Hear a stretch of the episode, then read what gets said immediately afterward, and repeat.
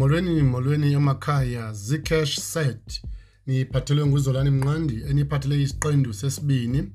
Eh kwisiqendu sethu ke namhlanje ndifuna ke sijonge indlela nehambo kazolani esuka ngasemva uba uhambe kangakanani na eze ewayibona impumelelo kwinto ebizwa i-network marketing.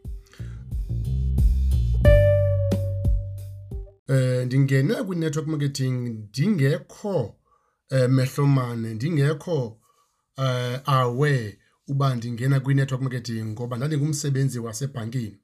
Kodwa ke ebhankini endandikuyo kungeli xesha kwakufika i-cellphone banking. Eh kwafika inkampani eyangena izosebenza njenga njengomxhasi kwicala lezentengiso apho izawufika ibe yiyo ezisa abantu ise ubuxhakaxhaka beselfoni ukwenza i-transaction nokufundisa abantu jikelele ngaphandle ezitratweni eh kwi-province ngeprovince behambisa amakhadi. Kodwa ke befumana lento siyibiza ngecommission eh xa bethengisela amakhadi. Ndabe ke mna ke ndingomnye wabantu ababesebenza ngaphakathi kwi-call center yekhampani. Ndingekho kwaba babengaphandle. Kodwa xa kungena ii-phone calls ibe ndim odirector aba bangaphandle uba kukho abantu abafuna amakhadi endaweni eso. So ndayibona ke le nto uba heyi ingathi khona into eyenzekayo ngaphandle njengoba ndihleli apha nje ndizawukwazi kanjani nam uba ke ndifumane ezi sentana zenziwa ngaba bantu ngaphandle? Ndathatha ithuba ke uba um ngexesha endizawube ndingasebenzi ngalo ngeweekend nam ndijoyine kweli qela libaleka esitratweni apha ngaphandle apha lizama ukwenza imali. Eh ndangena ke nam ndifike xa ndisemsebenzini ndiziodela wam amakhadi ndingene ngaphandle ndiphathe i-cellphone banking i-cellphone yam ndiyofundisa abantu nge-cellphone banking. Eh inkampani ke le eyayihamba phambili kwezentengiso yayinkampani yalapha eSouth Africa eyayibizwa iBoltron eyake yaba phambili ukusuka kwesithili saseKapa Eastern Cape abantu abaninzi bangayazi. Yaqhuba ke kulapho ke ndiqale ukufumana ulwazi lam olincinci nge-network marketing. Azange ke ndibe nexesha elide kuyo ngoba nayo azange iqhubeke for ixesha elide nekhampani kodwa ndafunda lukhulu ndakwenza okuncinci apha emalini. Ndayibona ke from apho into yoba ikhona into yemali apha kule nto kuthiwa zii-sales eh ezentengiso eh ibeke yile nto abantu abangayithandiyo. Ndathi hayi zake ndiyilandelele. Kwa kwavela ke kwalapha kwiqela endandisebenza nalo kwabakho usisi othile oke wathi kukho ikhampani ethengisa eh ubucwebe eh ijewelry kodwa nayo yabe isebenzisa lento esiyibiza word of mouth. Eyayisebenza kakhulu isetyenziswa yinkampani yethu eh isebenzisana neBoltron. Ndangena ke kuyo ndaqhubeka ke nam ndathengisa ndihamba phambili ndithengisa ubucwebe. Eh ndingena ke kwiilokishi ngeelokishi undibone ndingapha undibone ndingapha. Yaqhubeka nayo yonke le nto yenza yenza yenza ndayenza imali kodwa ke ndiyafumanisa uba ixesha noko umfana wayesemncinci wayengenayo laa nto yokunyamezela eh xa abantu beqonda uba heyi bayamrejekta abanye bedisappointa ndakhawuleza ndabushiya ekushiyeni kwam eh ndisenza nje kusekho lento ke siyibiza i-comfort zone uqonda uba eh ngenyanga unawo umrholo wakho. Ikhona into yaziyo ezawufika. Le oyenzayo uyenza nje yindlalo yoba uhlale nje unemadlanyana engenayo. Kodwa ndandingayiboni ngale ndlela endiyibona ngayo ngoku. Into edibene nezentengiso nayo yonke ke kuthiwa yi-network marketing. Ndasuka ke apho ndayofakwa yenye intombazana kweze perfume. Apho ke sasithenga khona ii-perfume sizithenga kwinkampani eyayise-alexander. Ayonkampani eyayidume kakhulu kodwa ke ndandithengise ezo perfume ndihambe ndiyothenga khona ndithengise um ikukufunda kwam ukwazi ukuapproacha abantu nendlela endibhilda ngayo relationship ubuhlobo ndibakha kanjani ndidlulise phambili into endiyithengisayo ukwenza uba kubekho olaqelimba lobuhlobo between mna nawe. Eh ndingekangeni ke kakuhle kweze product eh until kwazofika umfana okuthiwa umbongeni ke owafika wandifaka kwinkampani eyayibizwa iGreenworld iGreenworld ke inkampani eyayine products um ezi-herbal eh natural herbs eh ebizithengisa. Nayo ke ekuzithengiseni kwethu uzawuthengisa wenze iprofit yakho ngokuthengisa iproduct uphinde eh inkampani ikunikeze i-commission em ukuba uthengise kangakanani na nabantu ozoza nabo. Intengiso ke bantu bakuthi edibene ne-network marketing imfundiso yokuqala ekufundisa yona ikufundisa ukwakha ubuhlobo. Ngoba ukuze ukwazi ukuthengisa izinto ebantwini kufuneka ube nayo into yokwakha ubuhlobo. Abantu abayithengi into emntwini bengamazi. Usuke uneyona yona nhlahla enkulu uba ngaba abantu bavele bagxamkele nje bathenge into. Ngoba kwixesha esikulo eh kuninzi ekwenzekayo kodwa kwixesha kwicala lentengiso kufuneka ukwazi ukunaba uyazi iproduct uyazi into oyithengisayo. Uthi naxa uthetha abantu bakuva uthetha ngento oyaziyo ngoba abantu abathethi abayithengi into abakubonayo uba uyazi. Kubalulekile ke kuba ufuneka ungene deep ekufundeni ngeproduct yakho. Uyazi uba uzawuyichaza uyichaze uyichaze kanjani na. Eh sasinenhlobo ke ezahlukeneyo zeproduct indidi ngendidi. Apho eh wawufumanisa uba nawo ufuneka uchazele umuntu uba uhlobo olunje eh le product oluselwayo lugood phina eh ngoba omnye umuntu uyafika athi ndifuna into engandinceda ngamathambo omnye ndifuna into engandinceda nge-high blood omnye ifuna into ezawundinceda ngenhliziyo ngesifo seswekile zonke zikhona. Kodwa xa ngaba ungayazi inhlobo inhlobo yeproduct yakho awukwazi ukudlulela phambili ngoba bonke aba bantu bafuna ubachazele kakuhle nendlela ebezofuneka beyisele ngayo le product. Ngoba iproduct ye e, e, e, esisebenza ngazo ezikwi ezinatural ayizo product ezifana neantibiotics amapilisi avele ayisuse ngokwipeyini em athatha ixesha. Yilento ke ndisithi kufuneka ukwazi ukwakha ubuhlobo ngoba ubuhlobo bukuthatha kule ndawo inye bukuse kwenye indawo. Eh kwaye aba bantu njengoba usakha ubuhlobo nabo bethenga iproduct. Abanye eh kubantu bakuthi ke bazawucela uba eh ndicela undinike ngoku uzokoleka xa kuphela inyanga. So leyo nto yonke ihamba nobuhlobo. So uyabakha kubuhlobo ufumanisa pha ekwakhweni ubuhlobo ke ngoku naw sekukho ukuthembana. Ekuthembaneni uzawudibana nomnye ke ozafika abuze uba eh mntakamnqandi njengoba uthengisa le product wenza njani ke wena kwelicala lakho lokuba ufumane imali? Kube lapho ke ngufumana ithuba lokuba uchaze ngendlela ikampani ekubhatala ngayo ngoba inkampani kwi-network marketing zonke iinkampani ezi ezahlukeneyo kwi-network marketing zisuse le nto esiyibiza njengo-middleman. Apho ke ngokufumanisa uba nguwe othenga kwikhampani. Uthi xa uthenga kwikhampani ikhampani inikeze wena wena uthathe iproduct uyise straight kwaba bantu ke sibabiza i-consumer. So nguwe oyi-middleman. Now nguwe osayenka i-product. I-consumer ibhatala wena i-product. Wena uyothenga kwinkampani.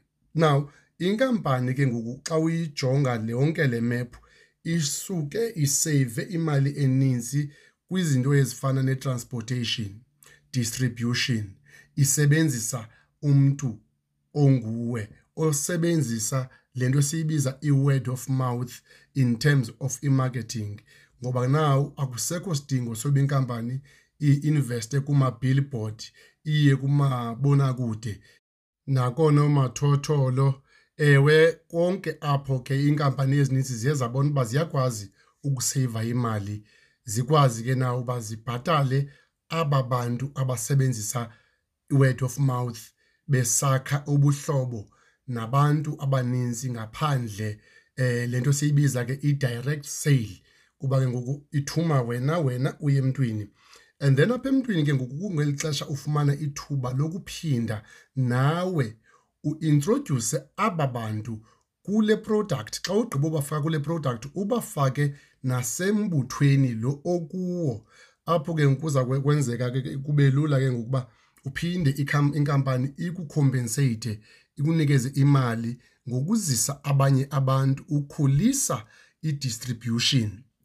Now le nto ke ndathi xa ndiyijonga ndafumanisa ukuba tyhini ingathi kuhle ekhaya inintsi into engenayo ngoba ndathi xa sendimane ndijonga ndafumanisa uba iyakhula le nto endimane ndiyifumana.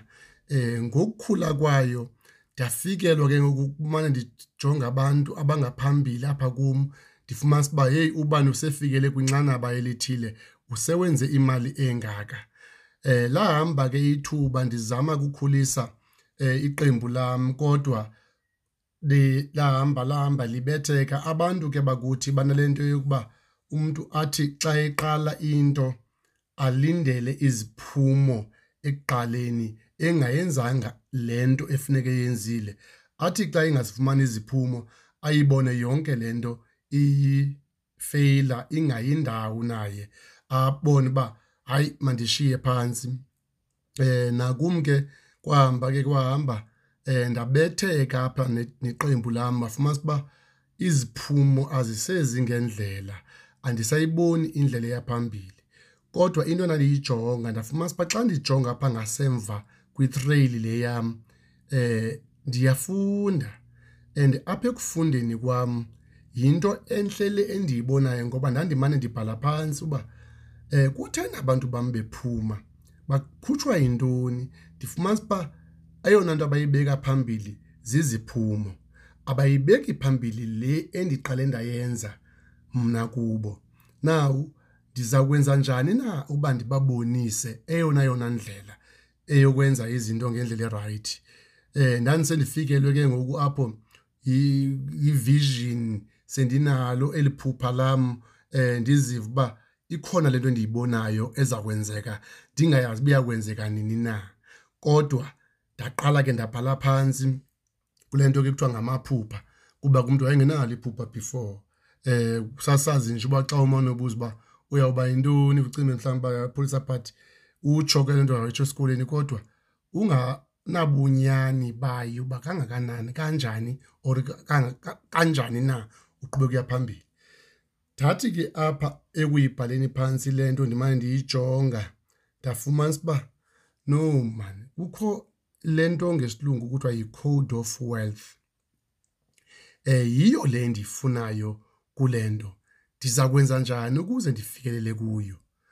Ndabe ndiyibona uba sisifundo sokuqala esi endisifumana kwinkampani yakwa-green world andihlalanga kakhulu ke nakuyo eh ndingathi mhlawumbi yayinto phaa kunyaka or iminyaka emibini ndikuyo. Eh ingazange ndibe nemiphumela emangalisayo. Eh ndaqhubeka ke ndimane ndijonga ndazofumana ndazozifumana ndingena kwinkampani yakwa Amway uAmway ke owayesebenza ngeproduct apho endafumanisa uba ekuhambeni kwexesha sendingaphakathi ndenze eyona yona yona mistake enkulu ngokungena ku-Amway ngoba wayengadibani nabantu bakuthi. Eh indlela iproduct eyayibiza ngayo yayingeyo product yabantu endandidila nabo kwi-network yam.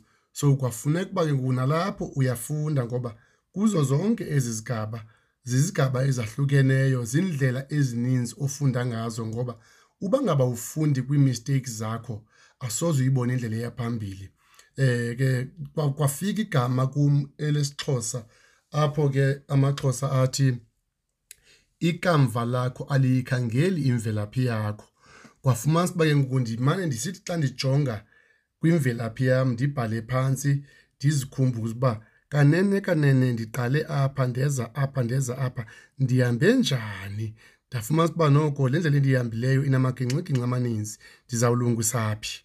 So azange ndilifumane ke ithuba lokulungisa kwi-Amway ngoba into yokuqala eyandibethayo ndingena kwaba yi-product yakwa-Amway engazange ikwazi tu ukuxhumana nabantu bakuthi eh bebethwa imali yayo eh bengayi-understand ndaziva ndizibona njengomntu ohlulekileyo ndashiya phantsi kwa-Amway ndake ndathi make ndithathe ixesha ndiphumle ndize ndijonge uba ndawuqala kanjani na ndiyenze njani ukuya phambili.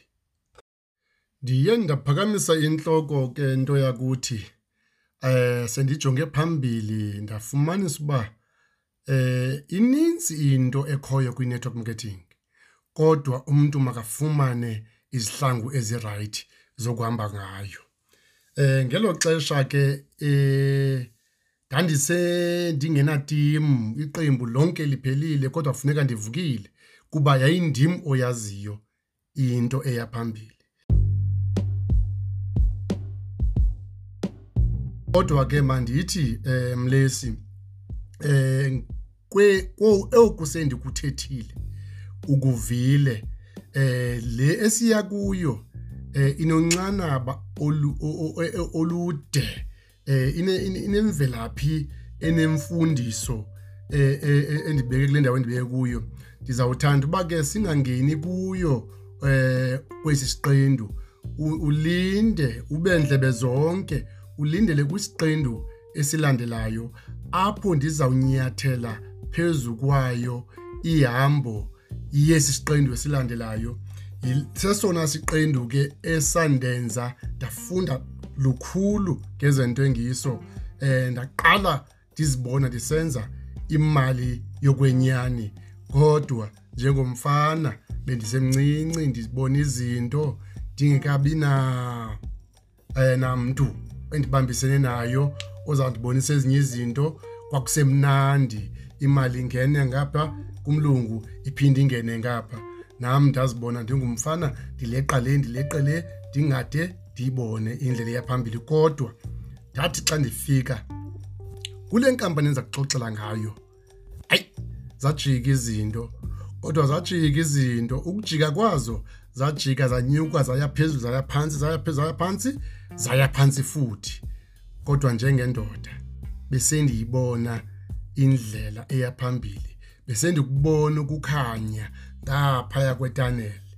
Em apho ke ndithathe ixesha ndazijonga ndazibuza uba ndingubani ndifunde ntoni na kule ndlela endiyihambileyo. Ndingabe ndifuna ntoni na ukusukela namhlanje ndiza kuyenza njani yonke lento ukuze yenzeke? Eh mandithi ke kuwe mlesi thatha elithuba undimamele ulindele isiqendu esilandelayo. Uzondiva kakuhle xa ndikuxelela ngeemfundiso ze-network marketing endizihambileyo nezindithathe zandibeka kule ndawo ezindibeke kuyo.